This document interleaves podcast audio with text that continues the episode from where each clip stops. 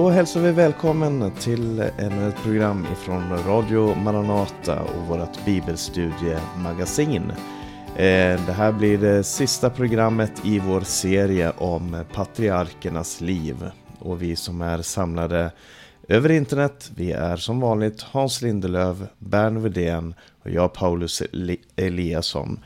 Eh, vi ska samtala om det sista kapitlet i första Mosebok. Vi har gått igenom Abraham och Isak och Jakobs liv.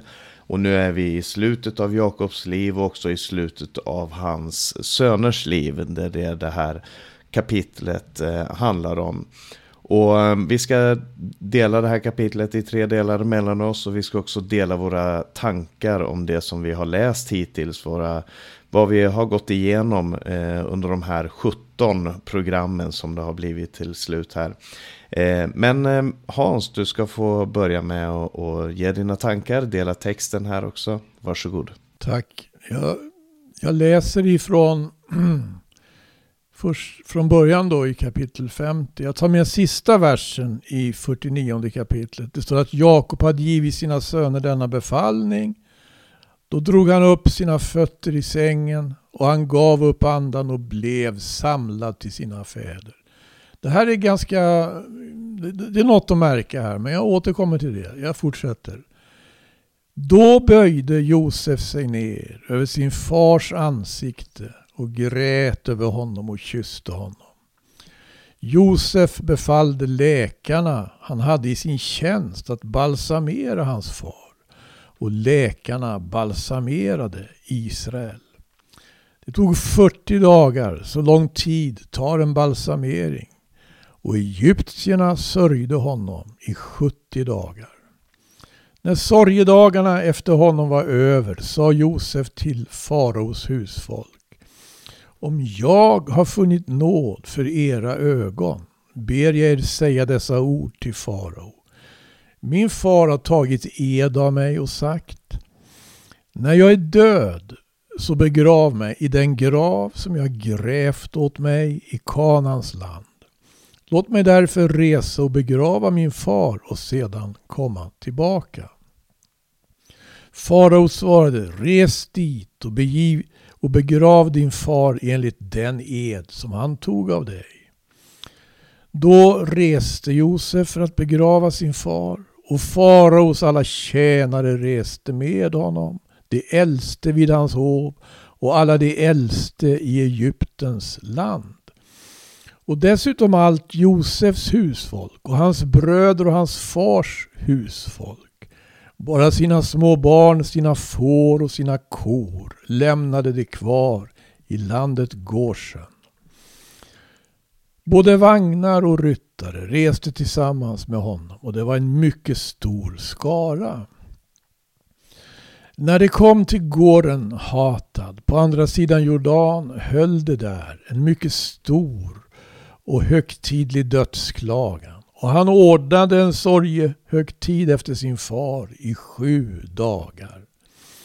När landets invånare kananéerna såg sorgehögtiden i gården Hatad sa de Här har egyptierna en stor sorgehögtid. Därför kallades platsen Abel Misraim. Den ligger på andra sidan Jordan. Jakobs söner gjorde med honom som han hade befallt dem. De förde honom till Kanans land och begrov honom i grottan vid fältet i Makpela den mark som Abraham hade köpt till gravplats av hetiten Efron, mitt emot Mamre. När Josef hade begravt sin far vände han tillbaka till Egypten med sina bröder och alla som följde med honom för att begrava hans far. Och jag tänker på vissa saker. Det är klart, Abraham hade köpt mark ja, till en gravplats av hetiten Efron. Det stämmer ju med första Moseboks 23 kapitel. Där läser vi i 19 versen att Abraham begrov sin hustru Sara i grottan vid fältet i Makpela mittemot Mamre, det vill säga Hebron i Kanans land. Det är Hebron och Hebron är mycket intressant historiskt och har än idag stor betydelse för judarna. Och eh, sen det här, den här eh, kommentaren, jag ska säga reaktionen från kananéerna då när de bevittnar den här stora begravningshögtiden tycker jag också är värd att lägga märke till. De säger här har Egyptierna en stor sorgehögtid. Det kommer att bli många anledningar under historiens lopp så efterhand att kalla israeliterna i själva verket för egyptier. Med tanke på hur de, hur de eh, liksom reagerade många gånger. Och profeterna klagar ju också över, jag vet inte vilken profet det är som säger Jag hade planterat dig som ett äkta vinträd. Hur har du då kunnat förvandlas till ett eh, främmande vinträd?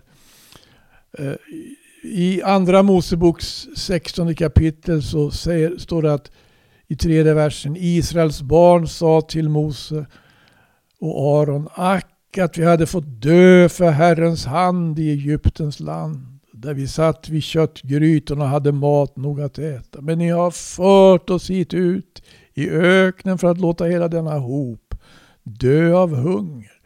De var väldigt fästa vid Egypten, trots slaveriet. De hade, det fanns sådana band. Och i andra Moseboks 32 kapitel då Aron gör den gyllene kalven. Det står, han tog emot guldet av folket och formade det med en mejsel och gjorde därav en gjuten kalv. Och det sa Detta är din Gud, Israel, han som har fört dig upp ur Egyptens land. Oj, vad var det för Gud som hade gjort det? Det var en egyptisk Gud av allt att döma, en avgud. I fjärde Moseboks 14 kapitel läste vi också att alla Israels barn knorrade emot Mose och Aron i den andra versen. Och hela menigheten sa till dem, och att vi hade fått dö i Egyptens land, eller att vi hade fått dö här i öknen. Och profeten Amos eh, talar och klagar å Herrens vägnar. Är ni icke för mig lika Etiopiernas barn? Ni Israels barn, säger Herren. Förde jag icke Israel upp ur Egyptens land och filisterna från Kaftor och arameerna från Kir. Det fanns alltså så många tillfällen då Israel på ett så djupt sätt liksom förnekade det som var deras kallelse att vara ett rike av präster och ett heligt folk. Det skulle vara ett rike av präster och ett heligt folk. Men det kom inte att skilja sig mycket från egyptierna som hade hållit dem i slaveri eller etiopierna eller några andra. Det, det är ju ett genomgående det är ett klagorop hos profeterna. Och eh, ja, så långt det här. Jag tror kanske jag eh, ska jag göra någon tillbakablick här så tycker jag ju att man kan fundera lite grann över själva det här att vi har valt ämnet patriarkernas liv.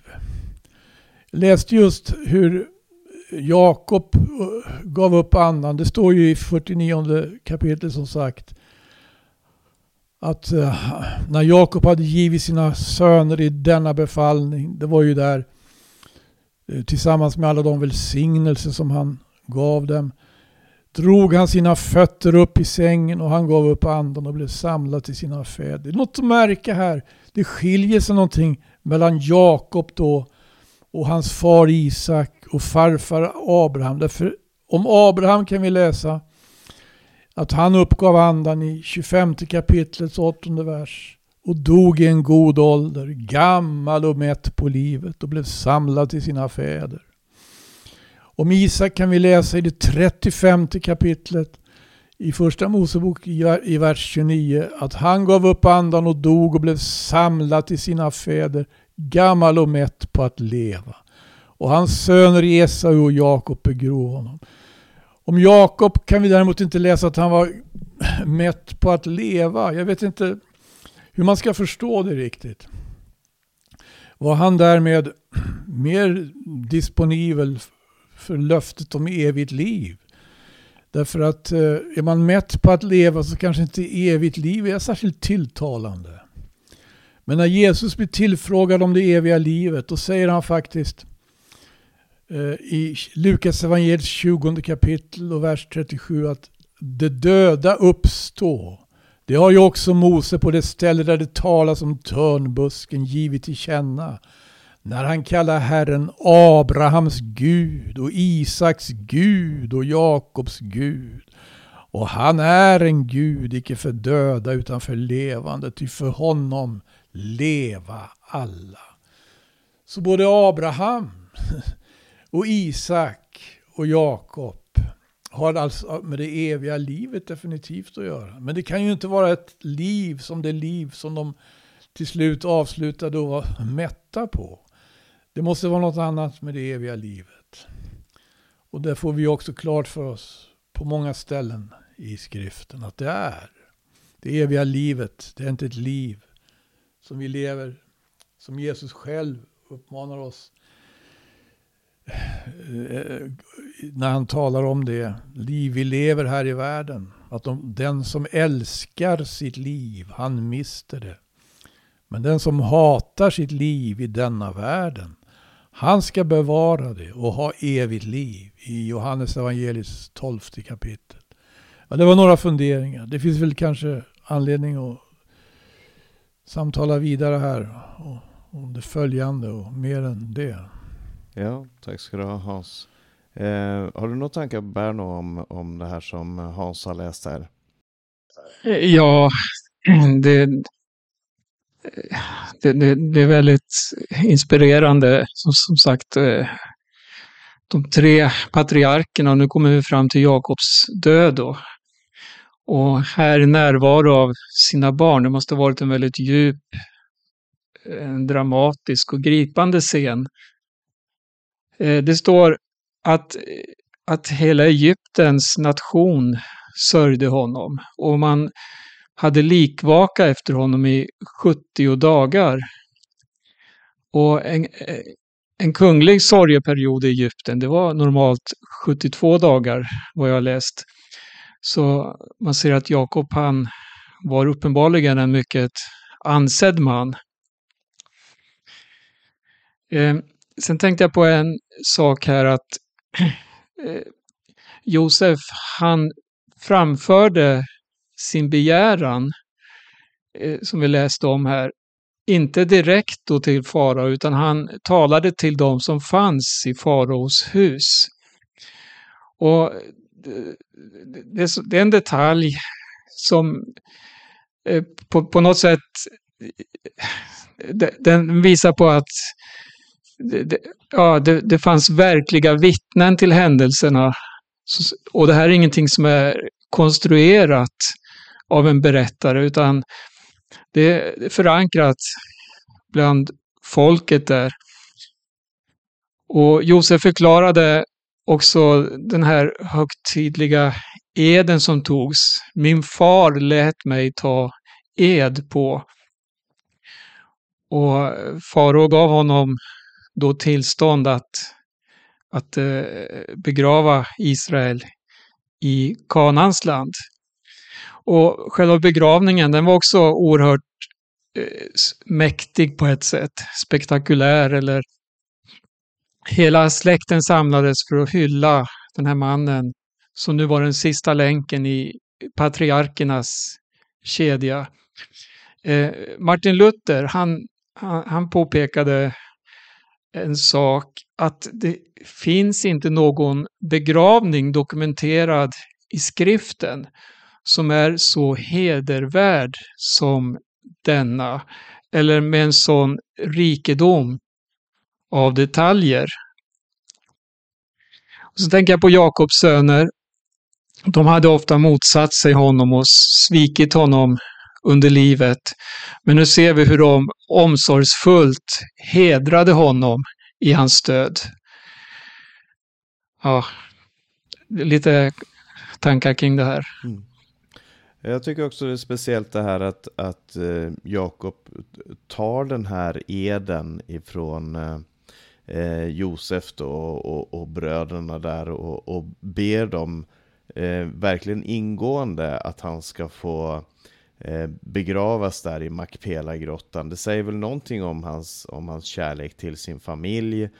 Eh, Säger någonting om, om hans förhållande till det som hade legat bakom. Men, men det kanske framförallt säger någonting om hans förhållande till det landet som Gud hade lovat honom.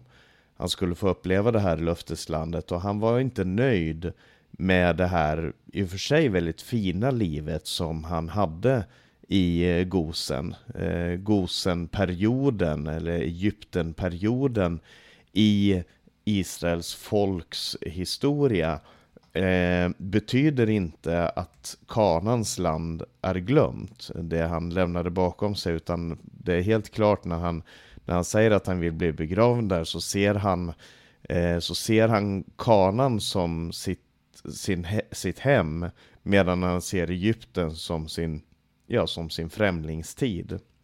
Och det eh, kommer tillbaka många gånger. Han, han längtar efter löftets land och, och den inställningen där som Jakob har på sin ålders höst, den tror, den tror jag är viktig att ha. Att, att fråga sig själv var man placerar sin identitet någonstans. Och jag tycker kanske inte nödvändigtvis att man behöver eh, alltid dra den här liksom det, eh, himmelen och jorden. Men i alla fall det himmelska och det jordiska och liksom gemenskapen med Gud kontra det som hör till den här världen. Ehm, så det, det tycker jag är stort i den här texten. Men jag ska fortsätta och, och läsa det som står då ifrån eh, den femtonde versen. Ehm, där står det så här. När Josefs bröder såg att deras far var död så sa de Tänk om Josef hyser agg mot oss och ger igen för allt det onda som vi har gjort mot honom. Eh, och jag vet att jag tidigare under de här eh, eh bibelstudierna som vi har haft så har jag sagt det här att man ofta tolkar sig andra genom sig själv. Man, man vet hur man själv hade upplevt en, en liknande situation och därför så tolkar man eh, andras beteende utifrån sin egen reaktion. Och det, och det tror jag man rent psykologiskt kan, kan påvisa ganska ofta. Att själviska människor eh, tillskriver andra egoism och, och giriga människor tillskriver andra girighet och generösa människor eh, då gärna vill se att ja, men, det gjorde han säkert för att han är så generös och god eller sådär. Eh, och, och, här är det ju helt klart att Josefs bröder då ser att eh, ja, pappan är död, Jakob är död.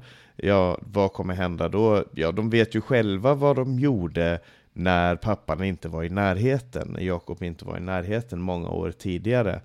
Eh, och, och, så de, de vet hur de själva hade reagerat i en sån situation och därför så, så väljer de det här. Och det fanns ju också hos Esau, om man läser eh, berättelsen om hur Jakob bedrog Esau, så står det att Esau sa vid sig själv att snart kommer tiden då vår far ska dö och vi ska sörja honom, då ska jag hämnas det var en slags tanke om att man skulle låta hämnden vila tills då det här, man skulle visa den respekten för sin far.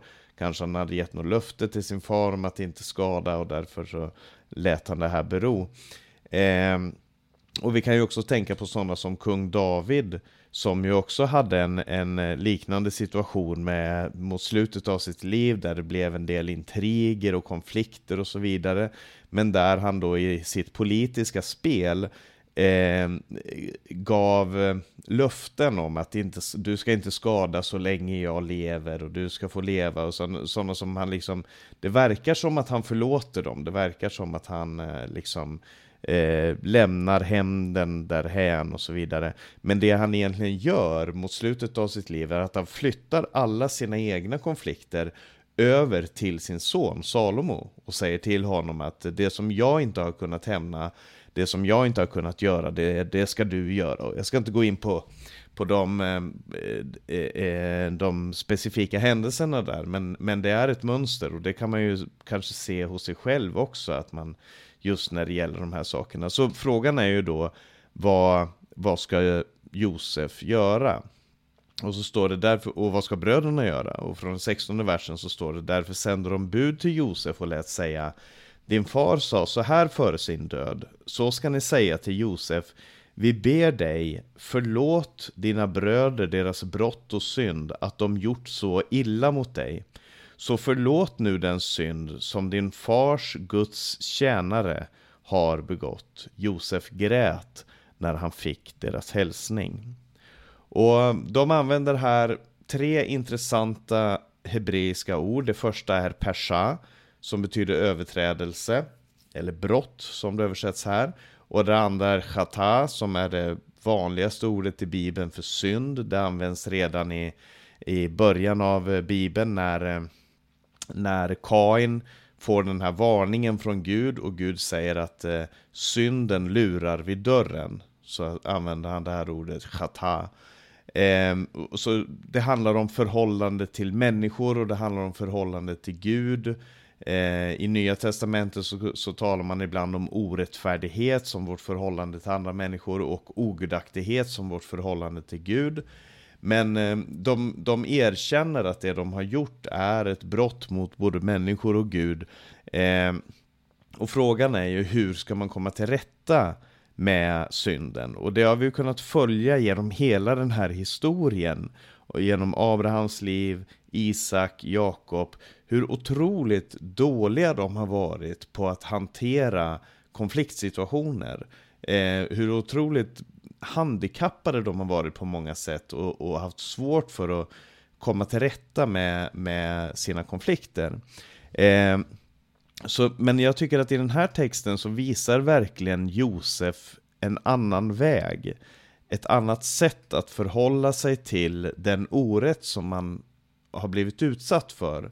Eh, och, och därför så är ju frågan om inte det här ger en modell för hur Gud själv eh, önskar komma till rätta med synden som fanns redan på, på Bibelns första blad eller andra blad. Eh, när, när eh, Adam och Eva syndade. Därför att det tredje ordet, jag sa att det var tre viktiga hebreiska ord här. Det ena var pesha, det andra var chata. Eh, det tredje ordet som, som används här, det är ordet ra. Alltså hur illa vi har gjort mot dig. Eh, att de har gjort så illa mot dig, att de har gjort så ra. Och ra, det ordet används första gången när det talas om kunskapens träd, eh, trädet till kunskap om gott och ont, om illa, ra. Eh, och, och det bröderna hade gjort i deras liv och mot Josef var att de hade valt eh, det onda i kunskapens träd. De, hade, de tänkte ut det onda, de kunde inte tänka gott om sin bror, de kunde inte tala gott till honom. Och nu vet de att konsekvenserna för deras pesha och chata, deras synd, brott och synd eh, och deras ondska eh, är liksom på väg att hämta in dem. Och så, men så står det att Josef grät när han fick deras hälsning och det känner vi ju igen från Josefs liv eh, så många gånger. Och sen så fortsätter texten och säger så här sedan kom också hans bröder och föll ner för honom och sa Vi är dina slavar. Det är lite samma som Jakob sa, eh, förlåt mig, Judas sa då han eh, erbjöd sitt liv för Benjamins liv. Han sa Jag är din slav, vi är dina slavar. Men Josef sa till dem Var inte rädda, skulle jag ta Guds plats? Ni menade ont, ra, mot mig men Gud har menat något gott, på hebreiska tov. Eh, kunskapens träd om gott och ont är tov och ra. Eh, här säger han, ni menade ont mot mig, men Gud har menat något gott genom det för att bevara många människor vid liv. Så var inte rädda. Jag ska sörja för er och era små barn. Och han tröstade dem och talade vänligt till dem. Så det, det, finns otroligt mycket i det här, men, men en sak han säger är, skulle jag ta Guds plats? Var inte rädda, skulle jag ta Guds plats? Eh, han, han erkänner att domen, den tillhör Herren. Det, det är Gud som, som dömer, jag kan inte ta den platsen. Alltså, eh, Esau eh, tog den platsen, Kain tog den platsen. Eh, det är så många människor i historien som har tagit den platsen. Och det är väldigt lätt för en själv också att man tar den platsen. Därför att det känns som att man ska uppnå rättfärdighet på det sättet. Och det är fullt förståeligt. Men, men Bibeln säger gång på gång att hämnden tillhör Herren. Eh, och det är vårt enda hopp. Det är inte bara vårt enda hopp eh, för att andra ska få det som på dem ankommer, men det är också vårt enda hopp för att vi ska få det som tillfaller oss. Eh, så Josef, han, han bar på ett sätt det som bröderna utsatte honom för. Eh, som Puttifar och, han, och Puttifars hustru utsatte honom för. Eh, det som hade, livet hade gett honom, eller som andra människor hade utsatt honom för genom hela livet. Det bar han för att uppnå frälsning för sin familj. Eh, så det, det var målet. Jag ska sörja för er och era barn. Det, det var det som Gud hade i tankarna hela tiden. Och Josef fick gå igenom allt det här för att till slut komma fram till det som Gud hade tänkt för hela familjen. Så, och jag tycker att det här är liksom det stora i evangelium också. Att, och, och, för här stod det att ska jag ta Guds plats? Ja, vem ska ta Guds plats då? Ja, det är ju Gud som ska ta Guds plats. Och när det gäller människans plats, vem ska ta människans plats? Vi som ska dömas? Ja, det är faktiskt Gud det också. Det är den sanna gudamänniskan, det är han som är helt och fullt Gud och helt och fullt människa. Som både är den som dömer och den som bär domen, som tar vreden på sig.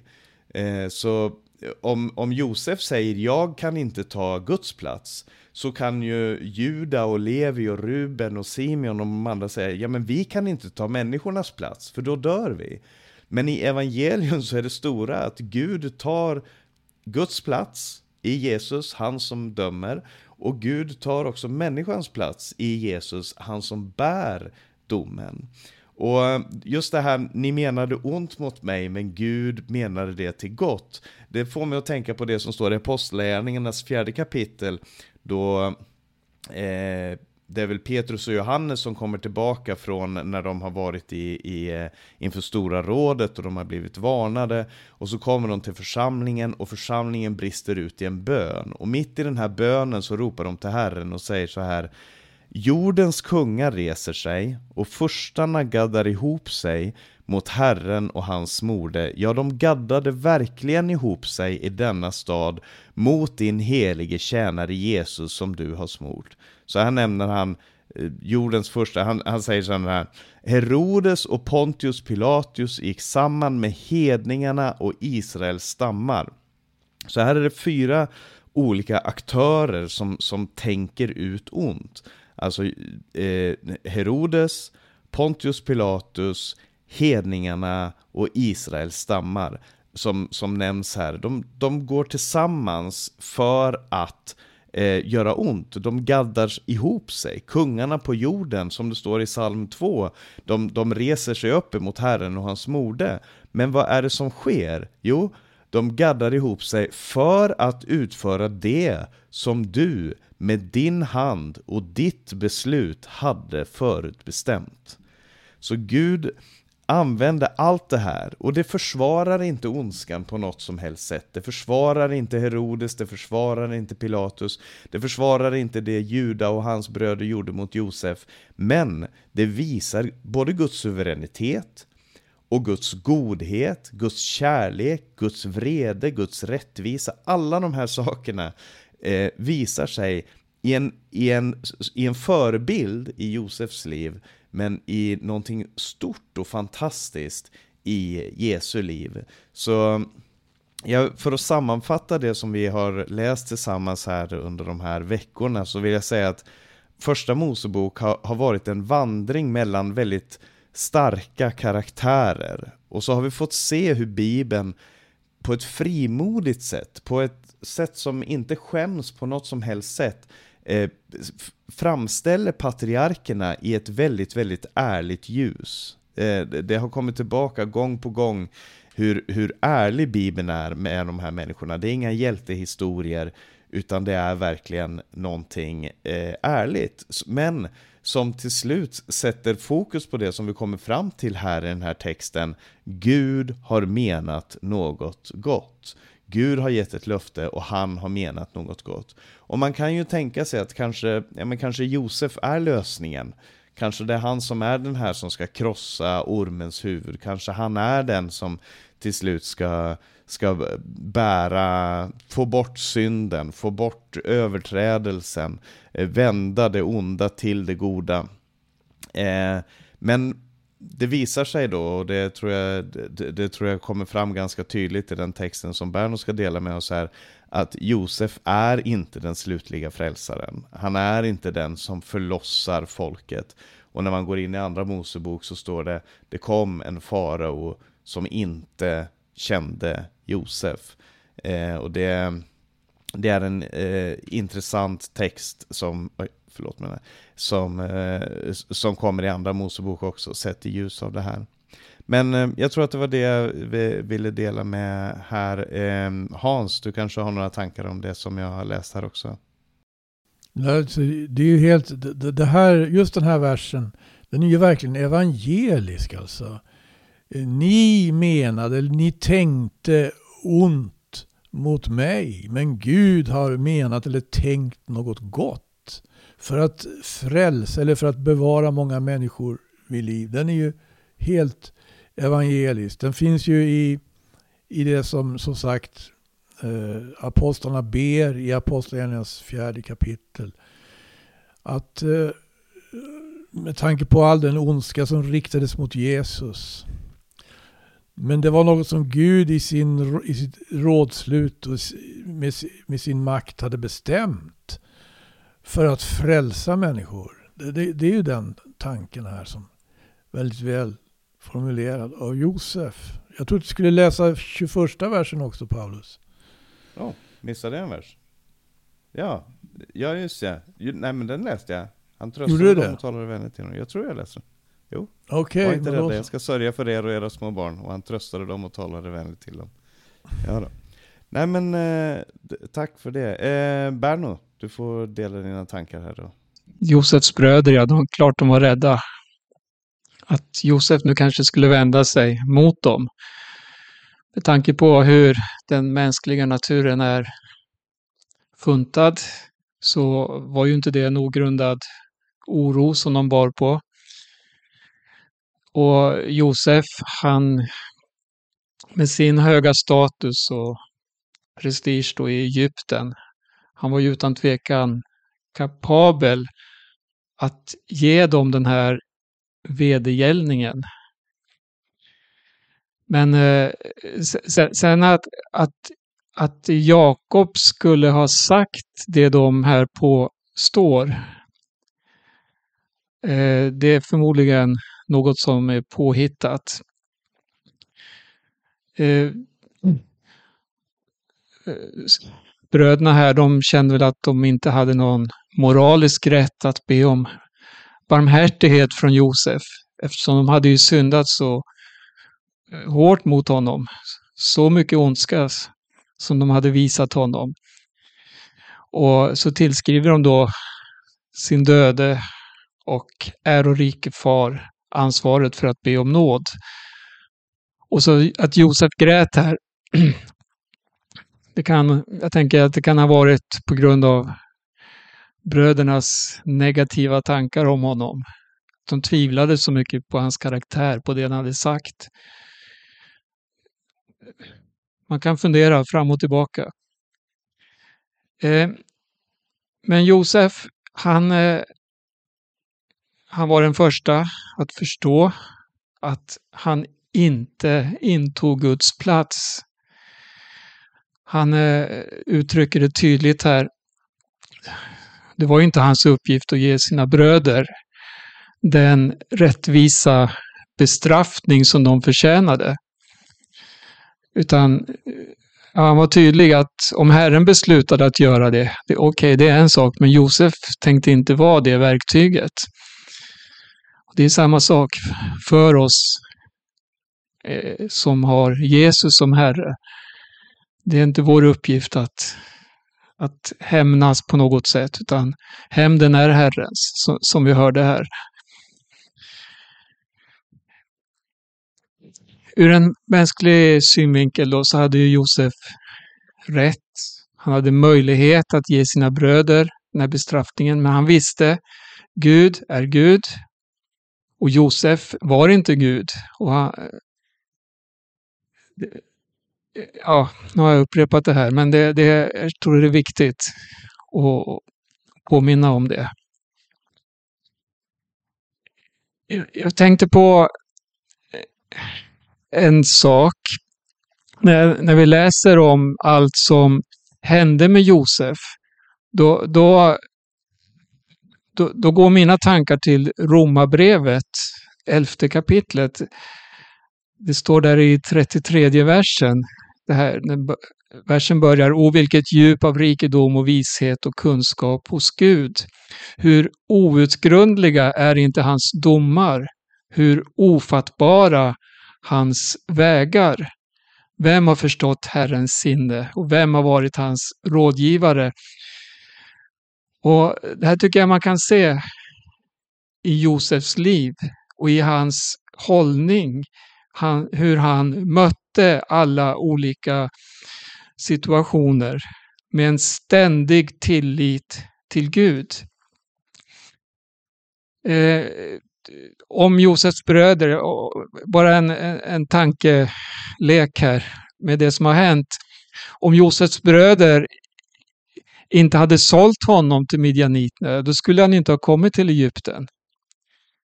Om Josef inte hade gått till Egypten, då skulle han inte ha sålts till Potifar. Och hade han inte sålts till Potifar, då skulle ju Potifars hustru aldrig ha anklagat honom falskt då för våldtäkt. Och om hon inte hade gjort det, då skulle han inte hamnat i fängelse. Så kan vi fortsätta. Hade han inte hamnat i fängelse skulle han inte ha träffat faraos bagare och hovmästare. Och han skulle inte ha tolkat deras drömmar.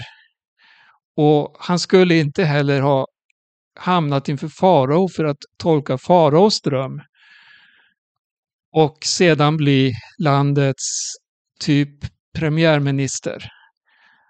Herrens vägar är outgrundliga verkligen. Det, det, kan vara gott att tänka på i den här världen som vi lever, när man eh, inte förstår vad som händer och inte kan se många gånger vad är Guds vilja, vad är Guds tanke med det hela. Men Herren är Herren, han är Gud. Han har allt under kontroll. Om, om vi går vidare, om, om eh, Josef inte klokt och hade förvaltat resurserna under den här svåra hungersnöden, då skulle eh, hans familj vid återkomsten till Kanaan ha gått under på grund av hungersnöden.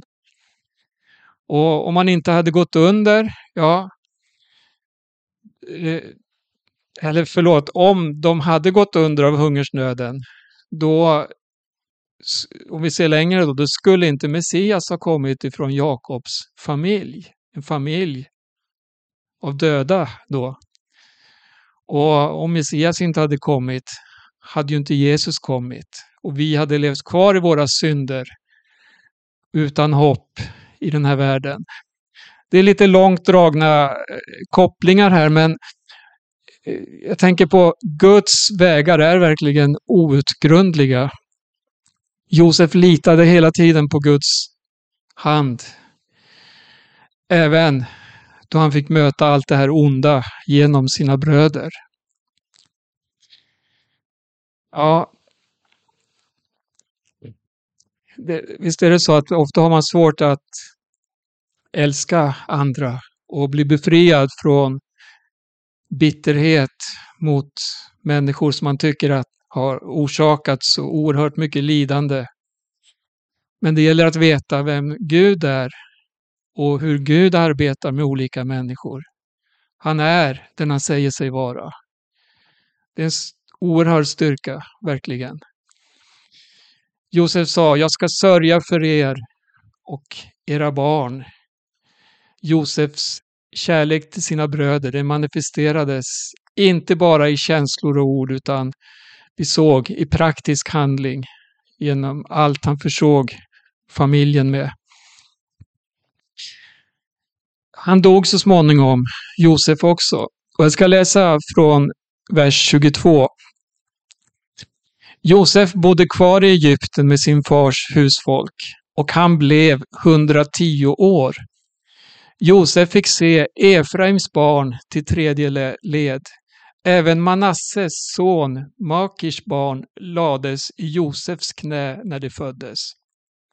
Och Josef sade till sina bröder, jag dör, men Gud ska se till er och föra er från detta land till det land som han lovat med ed åt Abraham, Isak och Jakob.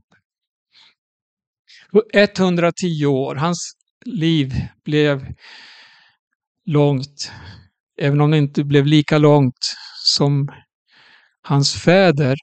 Men det här var ju ytterligare ett bevis på Guds välsignelse över Josef.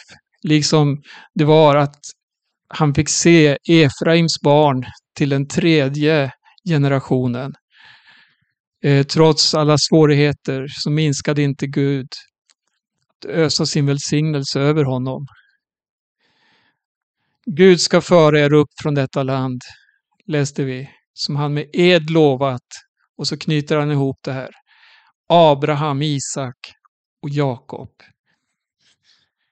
Josef, han var här den mänskliga aktören som ansvarade för att föra familjen till Egypten.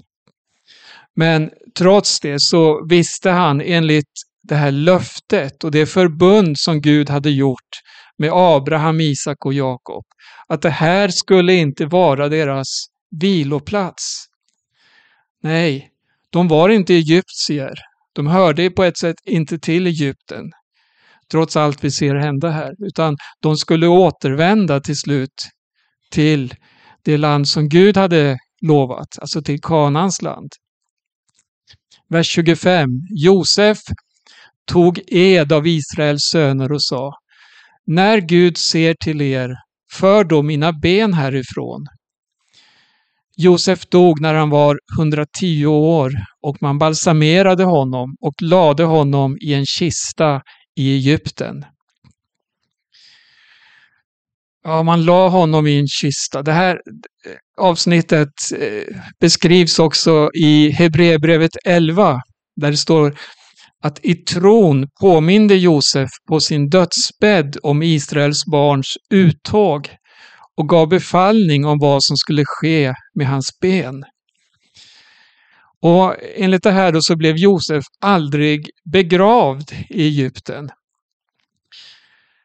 Eh, som jag förstått det så placerades hans kista på en speciell plats på marken. Den förblev där i cirka 400 år tills den återfördes till kanan.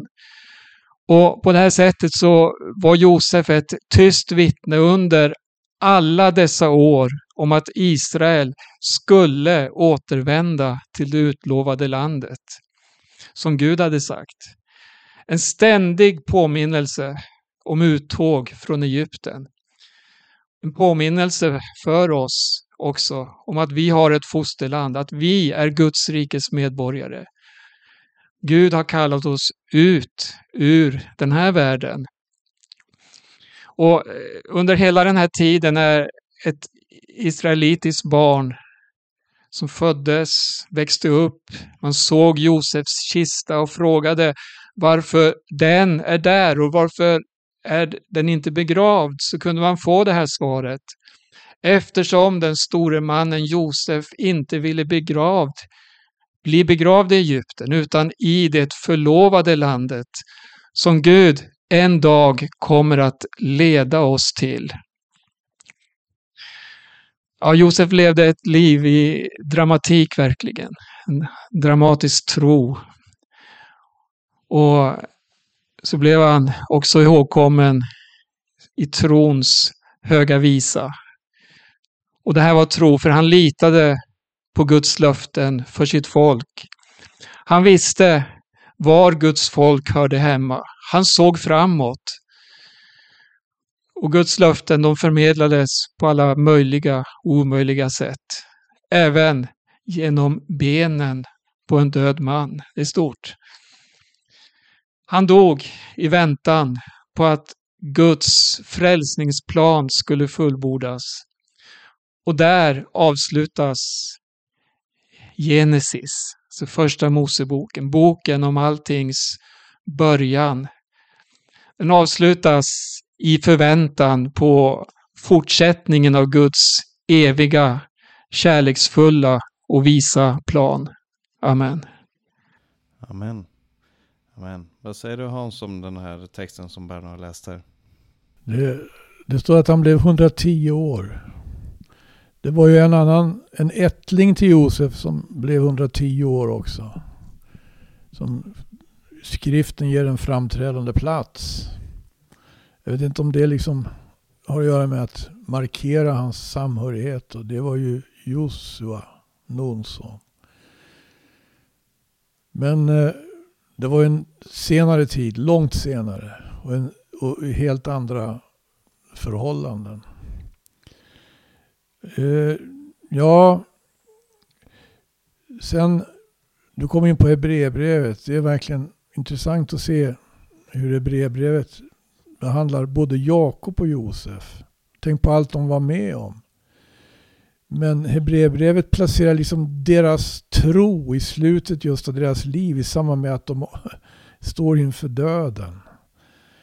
Och där så att säga tycker Hebreerbrevets författare att deras tro på ett särskilt sätt då eh, kommer till uttryck genom att de är så klara över liksom kanske att det kommer en framtid för hela detta för hela denna skarade. Det är ju bara eh, några dussintal personer på det här stadiet. Eller det kanske är några fler nu. De var ju bara 70 när de kom till Egypten. Det ska bli ett helt folk. Ja. Ja, men. Ja, och jag, ty jag, tycker den här texten avslutar eh, första Mosebok på ett fantastiskt sätt när han säger Jag dör, men Gud ska se till er. Eh, jag sa det att man kanske kan tänka sig att Josef är den här ja, uppfyllelsen av löftet om han som skulle krossa ormens huvud kvinnans säd ska krossa ormens huvud. Och är det Josef det talas om? Och Josef han, han säger nej det är inte jag, för jag dör. Eh, Josef kan inte frälsa eftersom han är en människa som dör. Och därför tror jag att också, det är också Hebreerbrevets författare som sätter fokus på det. Eh, då med tanke på Jesu prästerskap när han säger att Jesus är en bättre överstepräst än det Aron är eller någon av de andra översteprästerna eftersom han alltid lever och kan gå i förbön för oss. De andra översteprästerna de, de lämnar sin tjänst när de dör. Eh, och det betyder ju också vissa saker för de som befann sig i de här fristäderna. Jag ska inte gå in på det, men, men det, var, det var betydelsefullt när en överstepräst dog. Eh, då försvann också väldigt mycket. Men eh, Bibeln säger att vi har en överstepräst, Jesus Kristus, som eh, lever för alltid och som alltid går i förbön för oss. Eh, det, det är vår trygghet. Vi har någonting som till och med är större än eh, Josef.